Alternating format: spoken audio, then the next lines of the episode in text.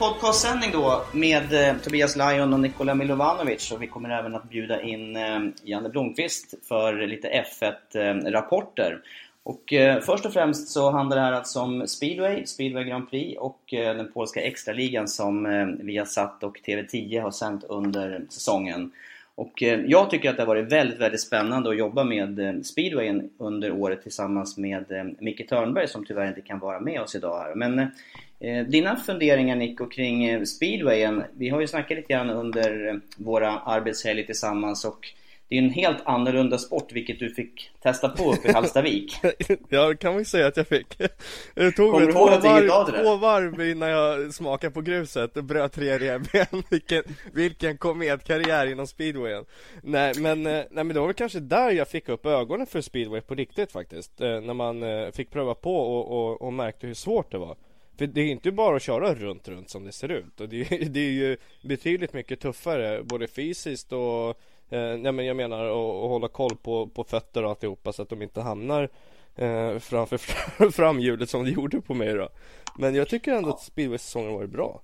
Det har sett. Ja, det har varit jätte... Jag tycker det har varit väldigt, väldigt roligt som sagt var. Och eh, tyvärr då så har det inte varit så lyckosamt för svenskarna den här säsongen. Vi har haft eh, Andreas Jonsson, vi har haft Antonio Lindbäck och eh, Fredrik Lindgren som åkt i, eh, i GP-serien. Och eh, de har gjort bättre ifrån sig sin klubbspeedway och eh, där är det ju en viss skillnad. Och det här individuella kontra lag där.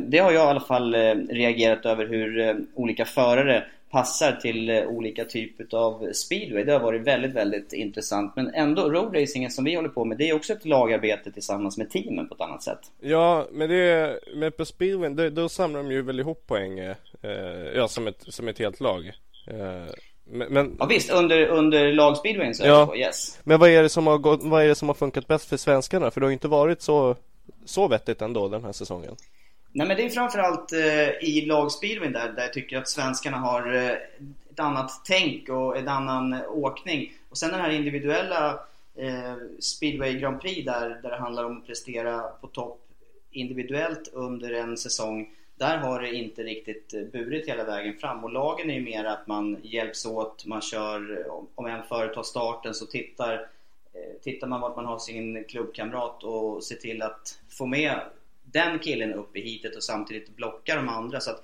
det är inte alltid att de heaten går på max men Ja, i just speedway det. GP där är det mer 100% hela tiden. Okej, är, ja, ja men jag förstår Men det är, men eh, eh, och Summer Road Racing där, vi har inte så många svenskar ute Det är Jag ska säga Andreas Mårtensson eh, kör i spanska mästerskapet Så har vi eh, Kristoffer Bergman kör i italienska och har kört lite EM, EM eh, den här EM-serien Sen Filip Backlund som faktiskt vann nu på eh, Åh, nu kommer jag inte ihåg vilken bana det var. Ja, de, Eh, körde på, de körde på Donington senast, Ja, var det inte det? nej nej nej, Donington eh, det var inte senast. Senast var Jag tror att det var Nej, jag har faktiskt glömt bort det Men han vann i alla fall. Så måste jag säga grattis till. Filip. Ja, det var ju fantastiskt. Äntligen så, så släppte det. Han har ju tagit någon pallplats tidigare Men nu, nu så fick han vinna och sen Alex Lunda som har kört World Superbike han, han är ju långtidsskadad Så han kommer att dröja ett tag till innan han kommer upp i sadeln igen Men det är i alla fall ett par svenskar som är eh, kanske på väg utåt i, i VM-sammanhang eh, i stora klassen så småningom. Men i speedway GP där, kommer det några fler eller är det bara de som vi har just nu? Ja, det är ju, eh, som jag tycker då, Fredrik Engman och Oliver Berntsson som eh, körde som eh, körde som ersättningsförare på um, Friends Arena som gjorde väldigt, väldigt bra ifrån sig och som eh, var med uppe i toppen utav sina heat. Och det var, det var riktigt roligt att följa. Och sen, eh, sen är det ju ett nålsöga att ta sig in till GP-serien. Det är precis som för roadracing-killarna där med Filip Backlund som har eh, manövrerat sig fram genom olika klasser och nu kör i brittiska superstockmästerskapen där. Men eh, Engman och Berntsson gjorde definitivt bra ifrån sig och sen så fyller det på med juniorer underifrån. Men klart det, och det har, det har vi pratat om i våra sändningar under året, att den svenska juniorverksamheten har inte riktigt samma eh, dignitet och tyngd som till exempel den polska som är den tunga speedwaynationen. Ja men de är väl helt galna det där. Jag, jag pratade med Micke om, eh, om speedwayen i Polen, om hur hårt det är. Det är ju, du, du måste verkligen vara topp hela, hela tiden för att ens få starta. Och vad jag hörde av Micke så sa han att under lagkörningarna där så tar de inte, eh, så tar de ut laget, eh, eller så kan de ta ut laget bara några minuter före start. Ja, det gäller verkligen att vara på topp hela tiden där för att, för att visa att man, eh, att man platsar. Och det var ju också ett väldigt dramatiskt avslut på det här året i den polska extraligan i och med att Golov kraschade ju hårt med eh, Woffenen på Friends Arena där och Golov, det var en otäck krasch. Han blev medvetslös och fick en skada på en, på en ryggkota. Och det i sin tur gjorde ju att eh, Toren där ställde in returmatchen i eh, den polska finalen. Jaha. Och så blev eh, Celona Gora då mästare utan att, utan att köra sista matchen. Det var ja, mycket, mycket märkligt. Ja. Men det kör man alltså för att eh, man kände att det var för mycket eh, problem att eh, Golub var så tungt namn och sån eh, viktig person i laget där så att han eh, Ja, de, de upplevde att nej, det här är inte rätt att köra utan honom och så De ville göra det hela, hela vägen. Matchen. Ja. ja, på något vis. Men mm. fullt, fullt ut alla turer där ska vi inte säga att vi är insatta i. Det, det, är inte riktigt klarlagt om det enbart var det. Men det var ju det som syntes utåt i alla fall. Ja men det visar ju i alla fall det med, med lag, eh, att det är en lagsport också, inte ja. bara individuellt. Så nej men det var ju schysst, det var ju härligt att höra. Sen är det någonting som har slagit mig också under säsongen och det gäller både roadracingen och speedwayen. Det är ju hur, eh, hur förarna kör igenom och förbi sina skador som trots allt uppstår. Det är ju det är, det är så med motorcykelsporten. Det har ju alltid varit att eh, man är utsatt som förare där och vi har ju haft en del skador i MotoGP men det har varit mycket i eh, speedwayen under säsongen. Och Woffenen som blev världsmästare här, han, eh, han hade till exempel två nyckelbensbrott varav det sista senaste var på Friends Arena där ihop med kraschen med Golov. Men han körde alltså med brutet nyckelben? Han plockade sju poäng där under kvällen och eh, det visade sig vara väldigt viktiga poäng för mästerskapet. Han eh, vann mästerskapet med nio poäng över Hampel. Och han hade haft betydligt tuffare i sista racet i touren om han hade haft, om försprånget hade varit mindre där. Ja, men du, jag såg inte kraschen helt och hållet där på Friends Arena. Jag läste bara efteråt att det var rätt otäckt. Men, men kan det ha någonting med, med kraschen att göra? Att han har kört med, med nyckelbenet av?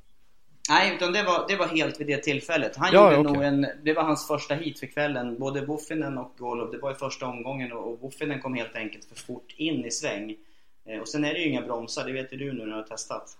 På, uppe i Hallstavik. Jag tycker det var, det var en rolig dag.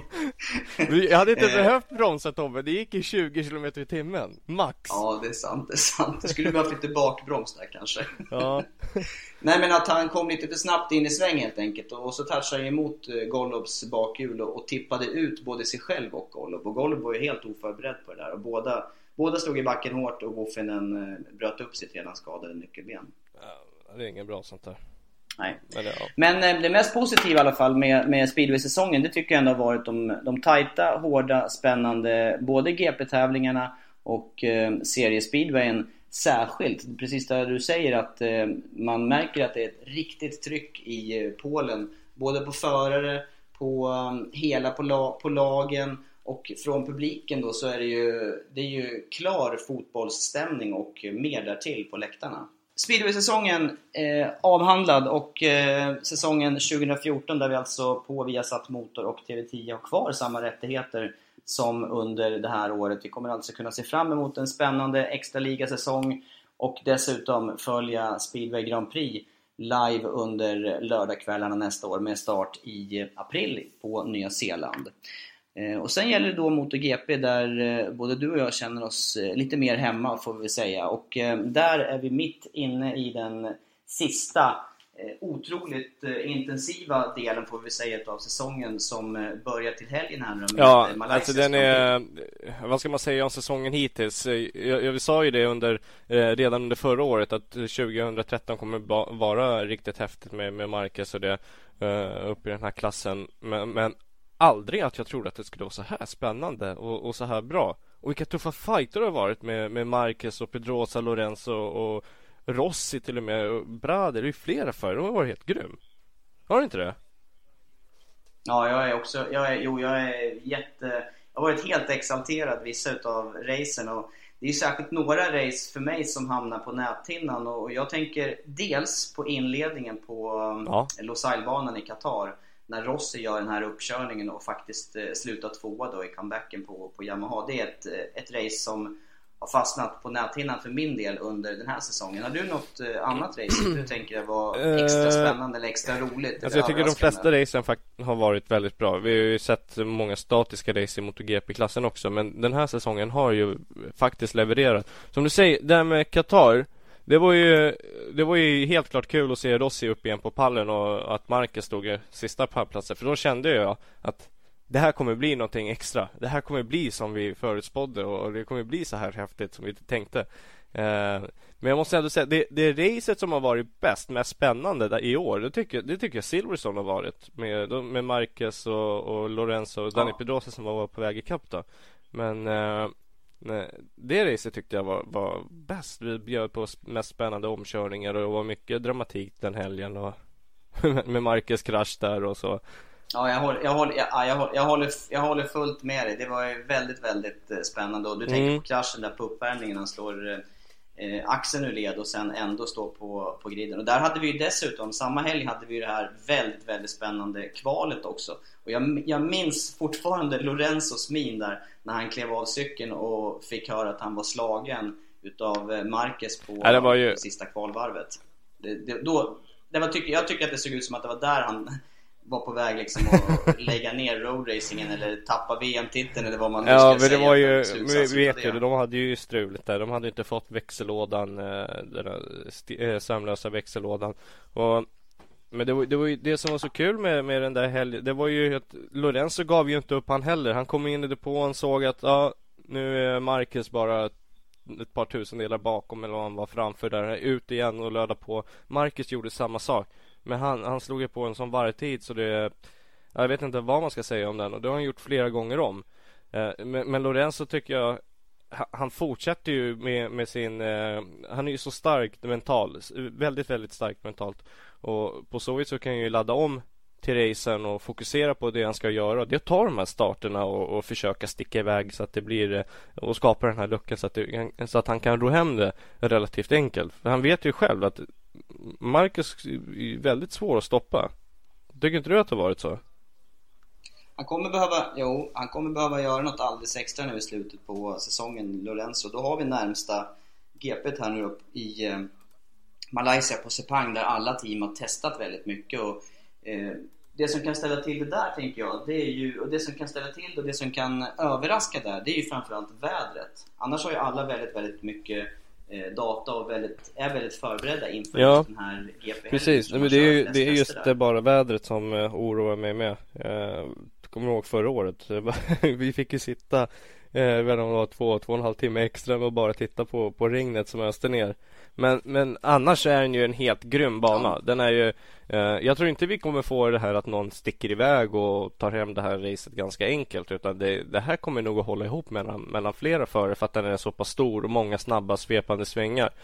Och jag, eh, tänk, jag, tänk, jag kan aldrig glömma bort Marco Simoncelli hur, hur, hur cool han var när han körde på den banan. Vilket bredställ, vilka bredställ han körde med. Även Casey Stoner. Och nu, nu kommer vi få se eh, Mark Marquez och jaga Lorenzo och Danny Pedrosa med flera förare på, eh, på rejäla bredställ på den där banan. Jag, jag tycker den är eh, en utav mina favoritbanor att kommentera och, och följa GP-racingen på överhuvudtaget. Även Formel 1.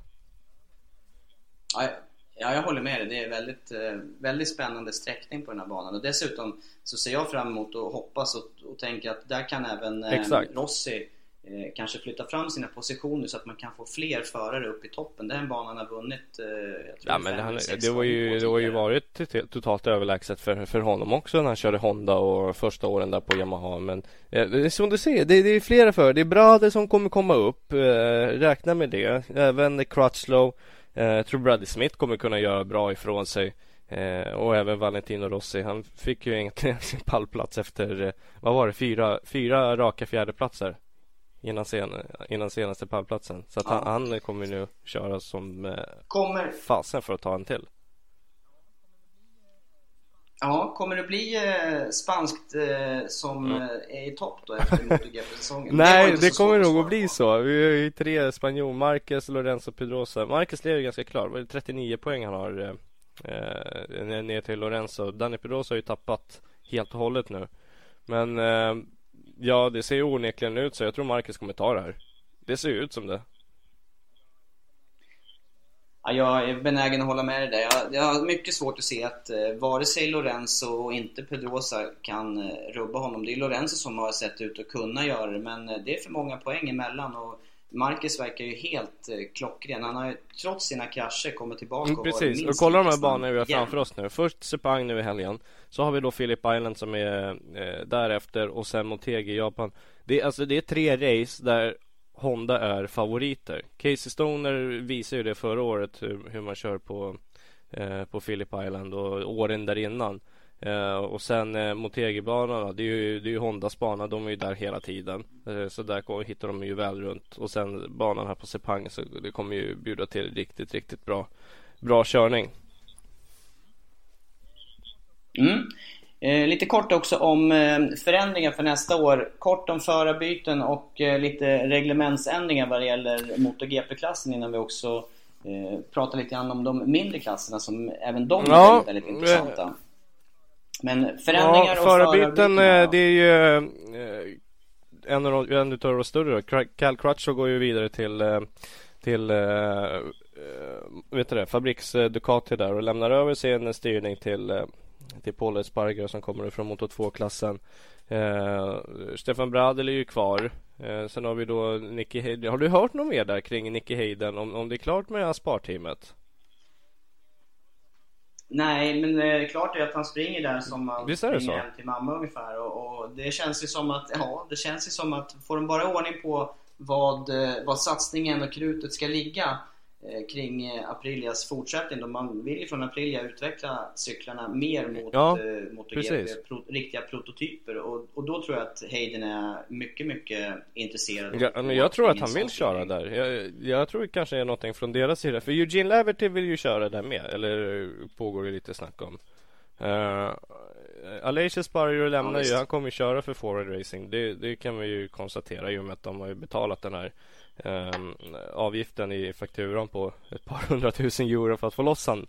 Men, men eh, mm, visst. Jag, jag är mest spänd på, jag är mest intresserad över vad Master Spar-teamet kommer att göra med vilka förare och vilka, vilka cyklar Aprilia kommer komma med. För just nu så är det ju Honda och Yamaha dominans eh, totalt. CRT-reglementet har varit bra men det har, ju, det har ju verkligen inte varit konkurrenskraftigt. Men det kommer ju bli nästa år med de här nya produktionshojarna. Det kommer vara väldigt intressant att följa. Jag tänker också att där ligger, där kommer mycket av mitt fokus och intresse ligga i början på säsongen och se hur eh, Redding klarar sig mm. hos eh, Gresini-teamet med sin Honda där och sen eh, även att se hur det går för Espargaro när han kommer upp då till MotoGP. Det är ju två utav de förarna som kämpar ja, det, det, är, det är två riktigt tunga namn. Uh, så, så, såklart, de kommer att bli väldigt intressant att följa. Jag tror inte det kommer bli som med, med Marcus att, han, att de kommer in och total dominerar nästan. Uh, men mer att de ligger runt en 50, 60, 7 plats kanske. Men, men uh, ja, mm. när vi ändå är inne på Moto 2. Vilken säsong hörru. Ja, jag gillar verkligen deras kamp och det känns som att det är väldigt, väldigt likt maskinmaterial. Det är det ju naturligtvis i Moto 2-klassen men, men där är det mera eh, kamp om vem som är starkast i huvudet. Och där har ju Redding under säsongen, under större delen av säsongen haft ett övertag tycker jag mot Espargaro. Men börjat och krackelera lite grann. Men han gjorde ju en fantastisk återhämtning senast i eh, ja, Spanien. Det, jag ska se, vad, vad kom han i mål där ens? Jag kommer faktiskt inte ihåg. Fyra? Ja det var han, ja, fyra. Var fyra Men han hade Paul Esparger framför sig och Steve Rabatt också. Det är det de inte får vara. Han är bara 20 poäng framför nu. Eh, eh, Scott Redding. Alltså Scott Redding är 20 poäng framför. Klart, klart, eh, ja. klart mer press på Redding ja, Precis, att han har ju varit sjuk och det har ju varit lite snack om att eh, Scott Redding har det med mentala övertaget och som vi har pratat om under säsongen. Det har ju så varit också. Men Espargar kommer tillbaka väldigt, väldigt starkt nu och jag tyckte det var kul att höra Aleix Espargar och eh, storebrorsan till Paul, eh, för er som inte vet att han eh, under presskonferensen till eh, Aragonska GP så såg han Eh, så var han väldigt, väldigt säker på att Espargar skulle, skulle ro hem det här och, och påpeka att det var en väldigt tuff säsong och väldigt hårda kamper. Men han, han, håller, på, han håller stenhårt på brorsan. Och nu, nu vet inte jag heller vart jag är någonstans. Ja. För att det här, det här kommer inte avgöras i Malaysia eller Philip Island eller Japan. Det här kommer avgöras hemma i Spanien för Espargaros del. Så Scott Redding har väldigt, väldigt, väldigt mycket press på sig nu. Ja, visst är han så. Och sen är det alla jokrar med ja. Eh, Rabat som har vunnit race, med Kallio som har vunnit race, med Nakagami som väntar på att vinna sitt första race och Terol som har segrar och Torres. Exakt, det finns många som kan, eh, som kan ta poäng från de här två förarna.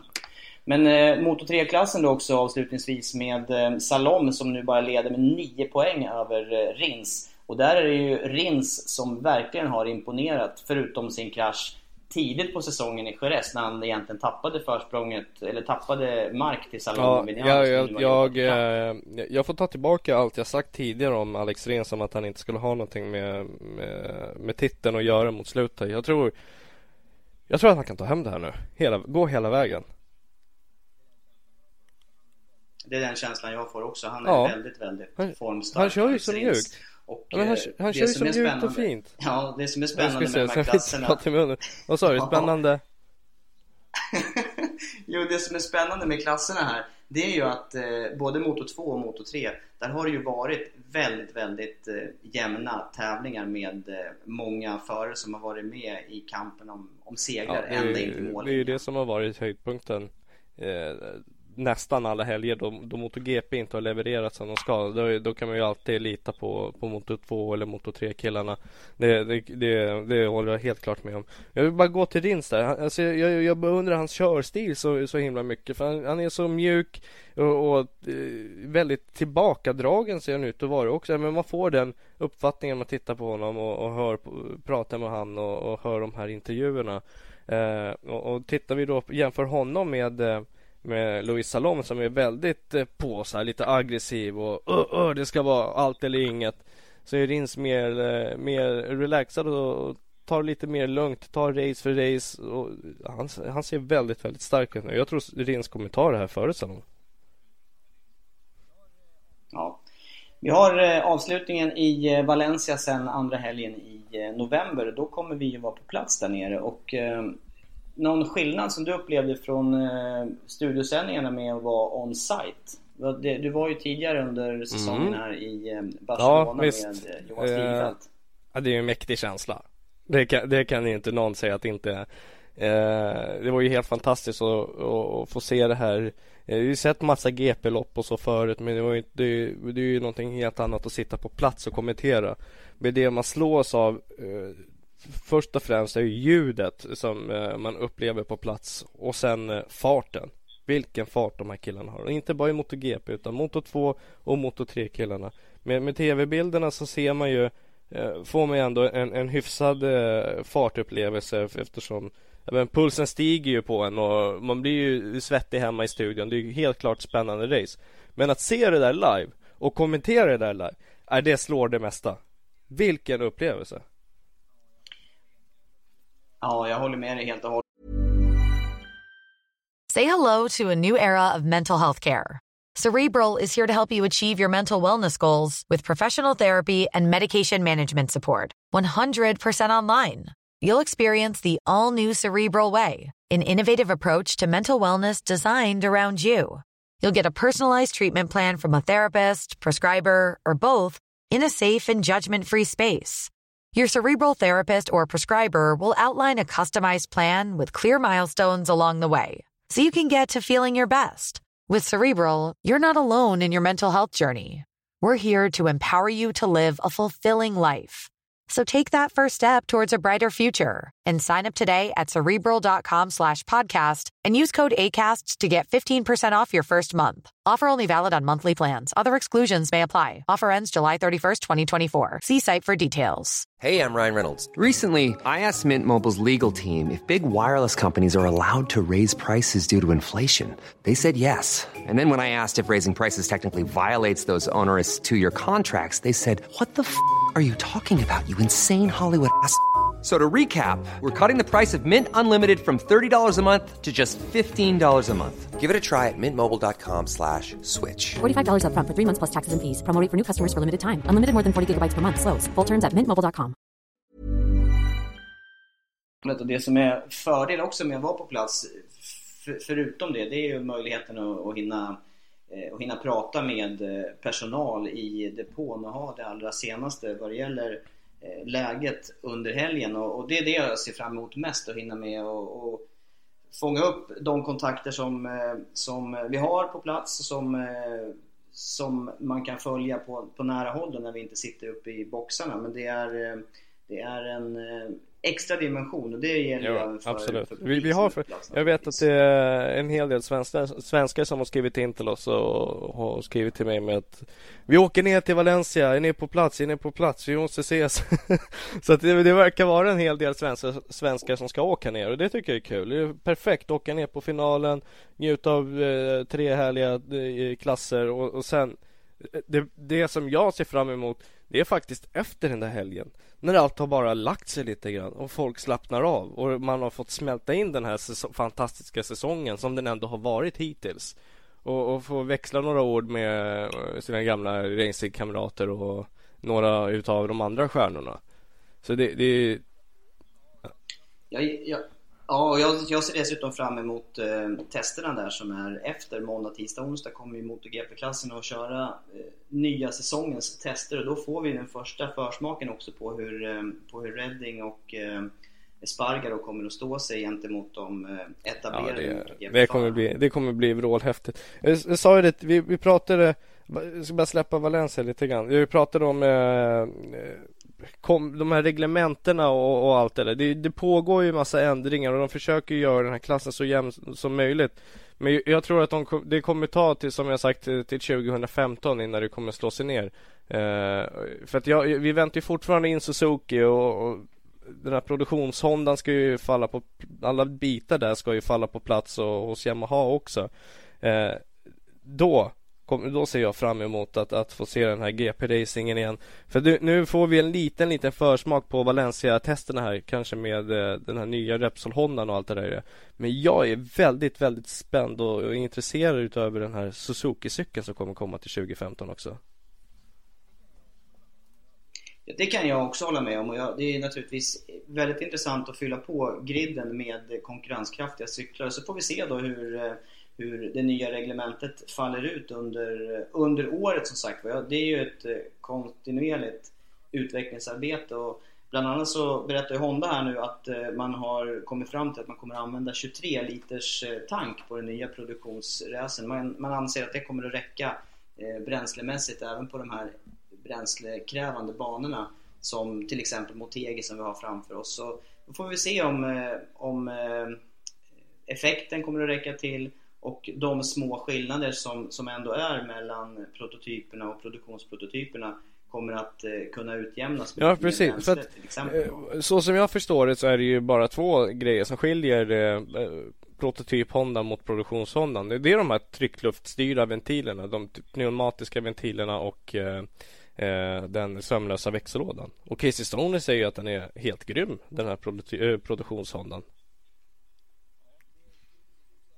Ja, det är, det är precis som du säger och eh, sen får vi se då hur eh, Yamahas arbete tillsammans med ja. Forward Racing faller ut.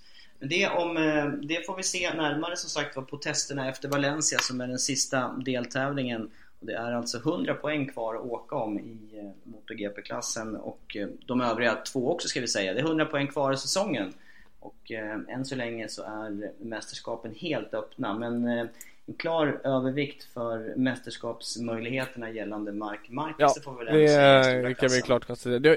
vet du vad, det är faktiskt, eh, det, det har ju varit Formel 1 där har ju Sebastian Vettel tagit över helt och hållet. Han är totalt överlägsen och det är folk som inte gillar honom för att han är så pass överlägsen.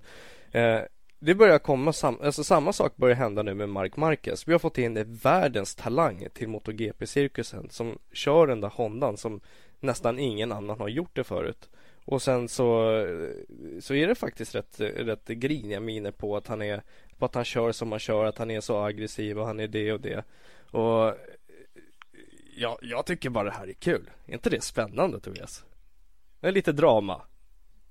Jo, jo, jo, visst. Ja, men det blir många lite gott ja, visst är det det.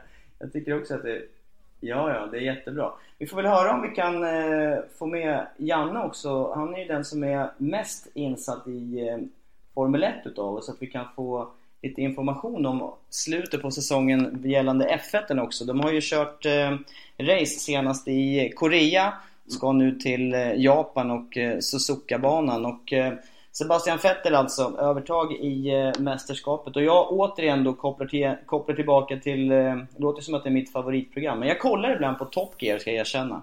Och igår så körde Mark Webber deras, eh, ja, Ja. vad var det nu då? Suzuki Liana eller vad det var runt något flygfält där. Och eh, det jag tror han var mest spänd på det var om man skulle slå Vettels tid och det gjorde han faktiskt. Janne, hör du mig? Jag, jag hör det Tjena, jättebra.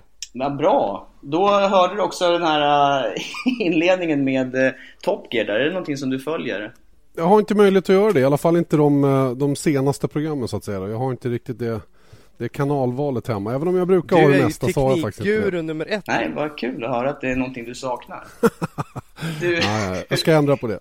Ja. Den här F1-säsongen då som är lång och intensiv. eh, Jag tycker att eh, jag tycker jag har kunnat fånga upp mycket prat kring, eh, kring däcken under det här året. Det måste varit en viktig, en, det måste vara en av de viktiga ämnena som, som har gällt för serien i år. Jag måste säga att det är imponerande att, hört, att du har hört det, att vi har pratat mycket däck. för, för det har varit väldigt mycket. däckprat.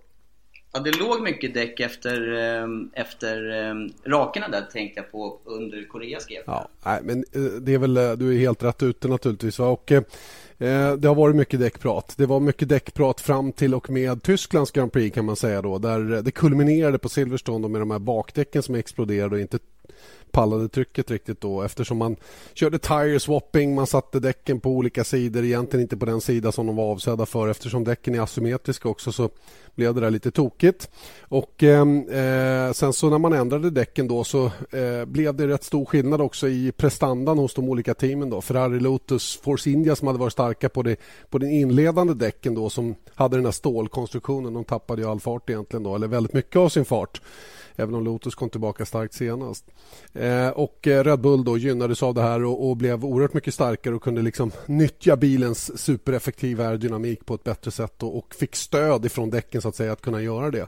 Och Det har ju varit en ganska stor skillnad. Men ändringen av däcken det var ju en säkerhetsskillnad helt klart som eh, man, man, man var tvungen att göra det här för det gick inte att fortsätta på det här viset. Sen hade vi Korea då som du var inne på där eh, höger framdäck då slets väldigt hårt speciellt genom en kurva då och eh, man hade graining helt enkelt. Eh, graining som gjorde att hela gummit rullade av och det rullade av så mycket. Det slutade liksom aldrig den där grainingen. Några kom igenom det men på andra sidan så fanns nästan inget gummi kvar i slitbanan istället. Va? Och det här gjorde ju då att till exempel Sergio Perez då bromsade på sig ner i kurva 1 och när han kom ut på nästa raka då bara exploderade eller då släppte släppte slitbanan igen då, någonting som Pirelli inte ville se. Eh, Pirelli som naturligtvis då eh, säger att det här var ju Perez som gjorde och inte däcket och sådana saker. Och man, får, man, kan, man kan vinka det där fram och tillbaka för att grejen är ju så här, man, det är ju teamens sak att avgöra hur långa stint man ska köra. Eh, man kanske inte ska köra så långa stint så att det där inträffar. Det är ju en del utav det. Sen är det ju den andra att däck får ju inte vara på det här viset. De ska naturligtvis tappa i tid men de ska ju aldrig bli en säkerhetsrisk. Och det tycker jag är, det, det tycker jag är för dåligt just nu utav Pirelli att det fortfarande är på det här viset att de inte Men riktigt har koll. Janne, en fråga bara där. Jag sen måste kan man ju hoppa in Ja, eh, förlåt. för Det- däck och, ja, däck och Nico, team. fyll- fyll Eh, varför drabbas inte Red Bull utav någonting? Utav någonting? Alltså, har de en så perfekt balanserad och så perfekt och mjuk bil att det är ingenting som kan rå på dem? Varken de här däcken har gjort att liksom, de Ja, har gått upp eller ner utan de är kvar där uppe och Sebastian Vettel han är ju totalt överlägsen. Mm, jo då, men det är väl fullt klart att de har en perfekt och välbalanserad bil. Det, det tror jag ingen kan säga emot. De hade ju problem även hos Red Bull i början av säsongen när däcken inte var av den eh, kvalitet som de tyckte det borde vara så att de kunde pusha sitt material. För att, eh, då var det däcken som begränsade långt, långt innan bilen gjorde det. Nu får de ju nyttja bilen till dess fulla kapacitet och potential. Och då blir ju Vettel så här stark som han är just nu. Så det, det, Ja. det är helt sjukt egentligen hur fort han kan åka. Eh, Sen har vi en sak till när det gäller däck. Jag, jag kan förstå Paul Embury eh, hos Pirelli lite grann som nu tycker att den kritik som han fick efter Corriero av bland annat Alonso Webber är orättfärdig. Jag menar, för, för så fort att loppen blir tråkiga, att det, det vill säga det blir bara ett depåstopp och det händer väldigt lite på banan, då får de kritik för det att de ändrade däcken och att de förstörde showen. Och sen när det blir show, vilket det var senast i Korea, det var ett bra race i Korea. Mycket tack vare det. Ja, då får de skit för det va. Så you're ja, damned if you do, you're damned if you don't som man själv uttrycker det. Va? Och det, det är ingen lätt situation.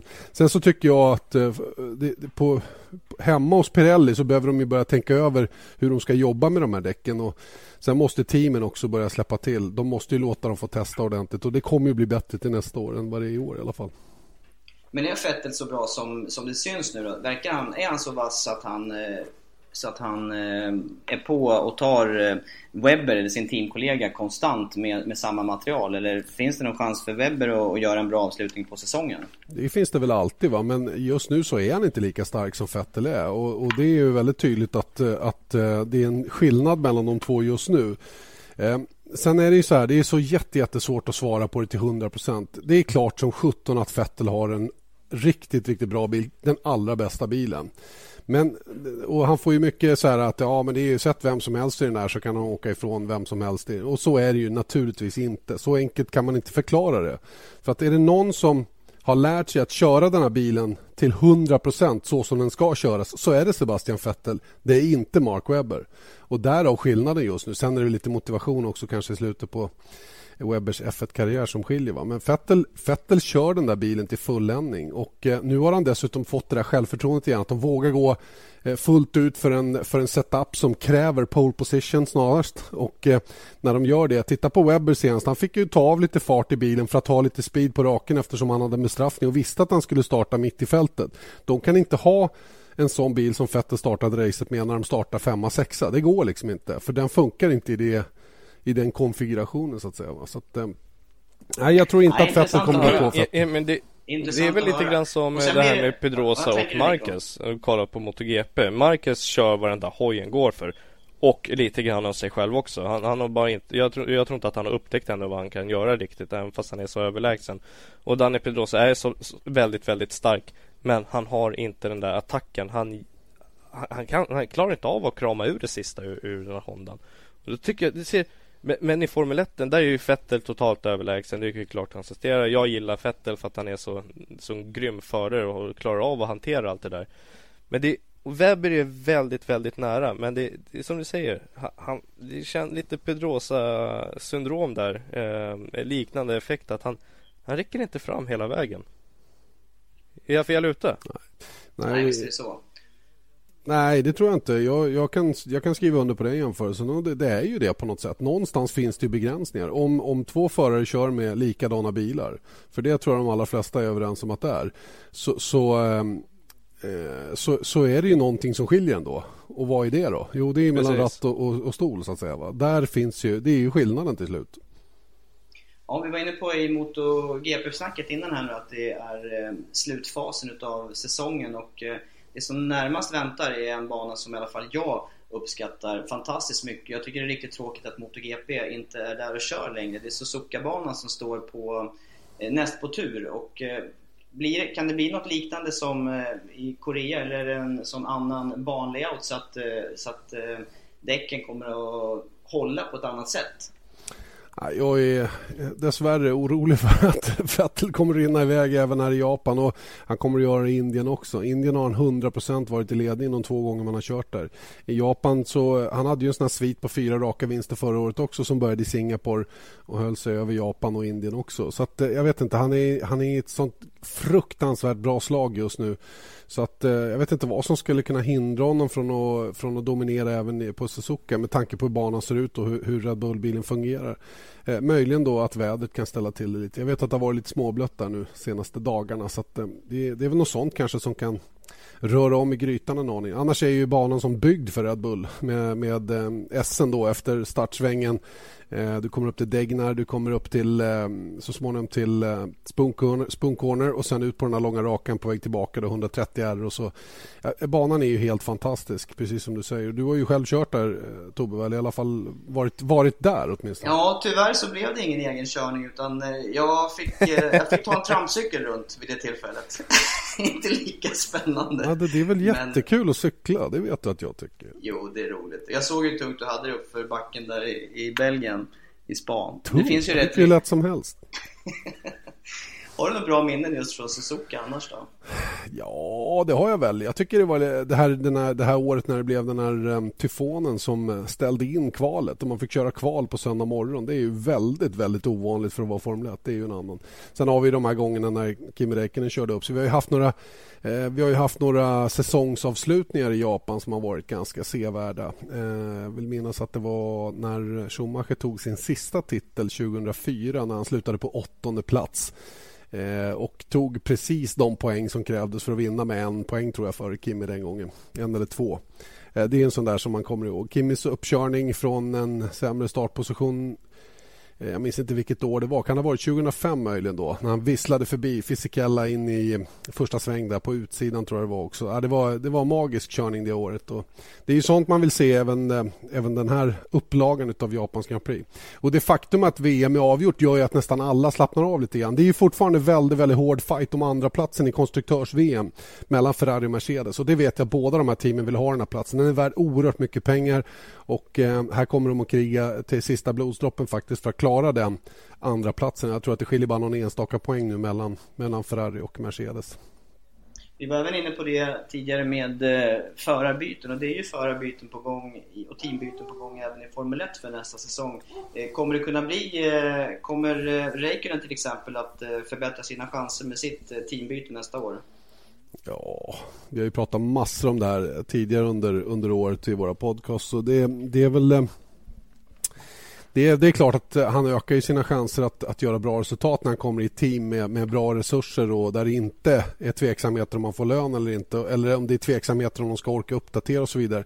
Problemet som jag ser det med Ferrari det är att de inte att de aldrig lyckas bygga den där riktiga toppbilen så att de kan vara med och utmana ända längst fram. Det är ju som Alonso har sagt i år att det är ett under att de är med i det här läget och faktiskt har en matematisk chans på mästerskapen med tanke på hur, hur materialet har varit under året och hur säsongen har avlöpt. Så att säga, Så att, eh, det är väl det största frågetecknet. Det är om Ferrari är med nästa säsong. Nya motorer, turbomotorer, ingenting som Ferrari eh, har någon, någonting att falla tillbaka på. Eh, självklart köper man in och, och ser till att skaffa sig den kunskap som krävs. Men jag såg nu att Pat Fry teamets tekniska chef är orolig för att, eh, för att racen kommer att avgöras eh, med fuel saving. För man har max 100 kilo i bilarna mot 150-160 kilo idag. Det blir en jätteutmaning såklart att klara loppet på eh, när man tar bort en tredjedel av bensinen. Så Lite att, cylindervolym också på de här motorerna som är de nya? Ja, 1,6 liter då, turbo med ERS som det heter, eller TERS, du får väl kalla det vad du vill. Men eh, Thermal Energy Recovery System, en del döpte till eller bara Energy Recovery System. Och det är ju så att de här motorerna i grunden kommer att ta ungefär 600 hästkrafter. Sen kommer man att kunna nyttja då ytterligare 160 hästar under 30 sekunder per varv. Eh, med hjälp av... Eh, man, man, tar lite grann av övertrycket i turbon till exempel då för att ladda upp ett batteri så får man en extra knuff då, som, som Curse fungerar idag då, fast man tar kraften från annat håll. Ja. Jag tycker annars är en av de stora... Det, det är intressant att man har de där eh, hjälpmedlen då för att, för att kunna förbättra omkörningsmöjligheterna. Det är någon, annars en stor fördel tycker jag med motorcykelracing, både MotoGP och speedway där det, där det är smala fordon helt enkelt. Det finns mer ytor att åka om på. Mm. Visst är det så. Och jag menar, tänk dig själv att ha så mycket hästkrafter under 30 sekunder. Hur disponerar du det här? Och det kommer bli mycket krullhåriga ingenjörer innan de har listat ut hur man ska nyttja alla de här grejerna på bästa sätt. Och det är väl tur att de får lite extra tester för jag tror att det, det kommer verkligen att behövas. Och, eh, jag tror nästa säsong kan bli grymt annorlunda faktiskt. Rätt stora omkastningar beroende på vad man har för motorer bakom. Och jag läste också att McLarens Martin Whitmarsh är orolig för att eh, eventuella motorskillnader måste man, ha, man måste ta höjd för det så att säga så att man kan begränsa någon tillverkare som skenar iväg för mycket för det vore dåligt för sporten. Då. Eh, nu får de ju två år på sig alla tillverkare att, att trimma in sina motorer och sen kommer man att låsa reglementet. Då, Men Janne, vad ska det... Ja, det är ungefär som i eh, vad vi hoppas på vad det gäller för MotoGP också att det kommer att sätta sig reglementet och också att kalendern då kommer att sätta sig och hamna här runt 18-19 race som man kanske pratar om. Men, men det börjar ju nå taket där i alla fall med antal tävlingar per säsong och det antar jag att det är samma för Formel 1. Man pratar om och eventuellt dela upp personalen om det blir fler tävlingar. Just det. Mercedes vet jag pratar om att rotera personalen då för att eh, blir det nu 22 race så kommer man helt enkelt inte kunna nyttja samma personalstyrka hela tiden utan att folk börjar gå på knäna. Och då, sånt framkallar ju misstag och, och kanske personliga problem, en familj som brakar samman eller vad det nu än är. Va? De här bitarna tänker man ju sällan på när man lägger på två race till liksom, och, och vad det innebär för team och för, för de som jobbar med bilarna runt omkring. Nej, vi har eh, en spännande avslutning att se fram emot både vad det gäller eh, MotoGP och eh, Formel 1 här på Viasat Motor. Och jag känner mig nöjd med det vi har behandlat här under dagen Nico och Janne som har varit med tillsammans med mig Tobias Lajan då och jag tänker att vi kan avsluta den här podcastsändningen med att göra ett högt hopp här. Gjorde hon inte det? Stina Dabrowski med sina Ja, du tänker så ja. ja intervjuare. Jag sitter det kommer inte med kanske? Kommer, det kommer inte med i sändning då eller? Jag sitter i morgonrocken fortfarande. Är inte du ute och hojar eller? Det går Nej, inte. vad bra. Jag har fått en kopp Nej. kaffe och en morgonrock. Det är perfekt. Vad bra. Ja. Men känner vi oss nöjda med det här eller? Vad säger Patrik? Som har suttit och lyssnat. Vi ser om han... Eh, ja. Han skriver Eh, ja. ja. Det kanske var... Jag, jag är inte van med de här avslutningarna. Jag vet inte hur vi gör de här annars tidigare. Nej, det är väl bara, inte- det är väl bara runda av. Tack för idag. Ja, då kan han... Eh, Tackar då. får, han, klippa ihop där. Ja, men med, med de här eh, slutorden då ifrån eh, våra motorvänner. Nej, så kan jag inte heller säga. Utan eh, jag säger... inte till det. Krångla inte till det. Nej. Puffa för vad Eh, vi har i sändningar och sen så säger du bara hej då. Eh, Formel 1 MotoGP den här helgen. Är det någonting annat stort? Ja, det är väl na Nascar. Och så Formel 3 ja, med, med Felix ifrån Vallelunga. Så, så börjar du så kan jag fylla på lite. Eh, ja, med de här orden så avslutar vi eh, dagens eh, podcastsändning och veckans podcastsändning. Och eh, framförallt då så vill jag framhålla fortsättningen på säsongen i eh, MotoGP. Och eh, på bilsidan då Janne så har vi några spännande race också att se fram emot i helgen. Ja, vi, framförallt syns vi på nätterna. Det här blir ju väldigt speciellt. Att vi eh, kommer Ja, att blir det kvällsmys? Vi får ju slåss om vilken kommentatorshytt som ska gälla. Men Ja, jag, känner att F, F. F, F1 har alltid förtur, så är det. Vi börjar före er också, va? gör vi inte det? Jag tror det. Är det så? Jag vet inte. Ja, jag vi börjar i alla fall vet 0, 02.55. 02.55 startar vi i natt, kommande natt, natten mot fredag. Och 03.55 natten mot lördag. Eh, kvalet fem minuter i sju och racet, precis som i Korea, eh, startar klockan åtta med vår sändningsstart halv åtta. Sen ska ni heller inte missa när det gäller fyra hjul den här helgen. Eh, Formel 3s näst sista tävlingshelg. Ytterligare 75 poäng att köra om. Felix Rosenqvist verkligen med och slåss om mästerskapet här. Och eh, Vallelunga är ju ingen fördel för Felix. Han kör ju mot en italienare, Raffaele Marcello, som har kört massor med varv på Vallelunga. Jag tror faktiskt inte att Felix har varit i Italien och kört just den här banan någon gång tidigare. Så det här blir en utmaning, minst sagt. Eh, och eh, det ska bli kul att se faktiskt. Sen är det ju avslutning då eh, utav F3 då från Hockenheim nästkommande helg. Men det ska vi komma tillbaka till i vår podcast nästa vecka. Ja, det verkar som att det blir eh, du som väljer bäst eh, studio där. Jag kommer inte att börja sända förrän eh, 03.55 drar vi igång första Nej. träningen i Sovmorgon. Från Malaysia. Ja, Sovmorgon. Ja. Vad bra! Tack så mycket Janne Blomqvist och eh, Nikola Milovanovic så eh, får vi se fram emot hörs av spännande motorhelg tillsammans.